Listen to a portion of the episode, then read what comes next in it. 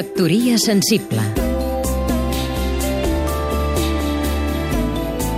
Sergi Dòria, periodista i expert en comunicació. Dues recomanacions. Cançons d'amor i de pluja de Sergi Pàmies i El tramvia groc de Joan Francesc Mira.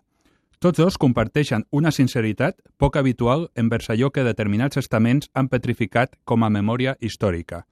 Els contes de Pàmies i l'autobiografia d'infantesa de Mira són dos exemples d'experiències humanes i intransferibles. Llegiu El Ninxo, reconstrucció de la mort d'Antoni López Ramundo, l'oncle d'en Pàmies, assassinat el 23 de juliol de 1936. Una mort absurda pel tret d'un pistoler anarquista que la posteritat políticament correcta va convertir en feixista. No sé què era més difícil, si assimilar que la versió de l'assassinat feixista era una maniobra política o que l'Antonio va morir a conseqüència d'un malentès, escriu Pàmies. El malentès de l'Antonio, portar americana i no anar amb mànigues de camisa com tocava aquell juliol.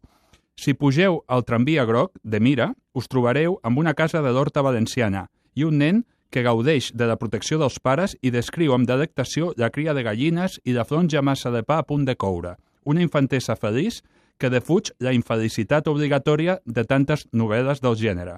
La postguerra de bons i dolents no és per a Mira la millor manera de fer memòria. Pàmies i el tramvia groc de Mira, dos exemples de literatura i vida, en mayúscules.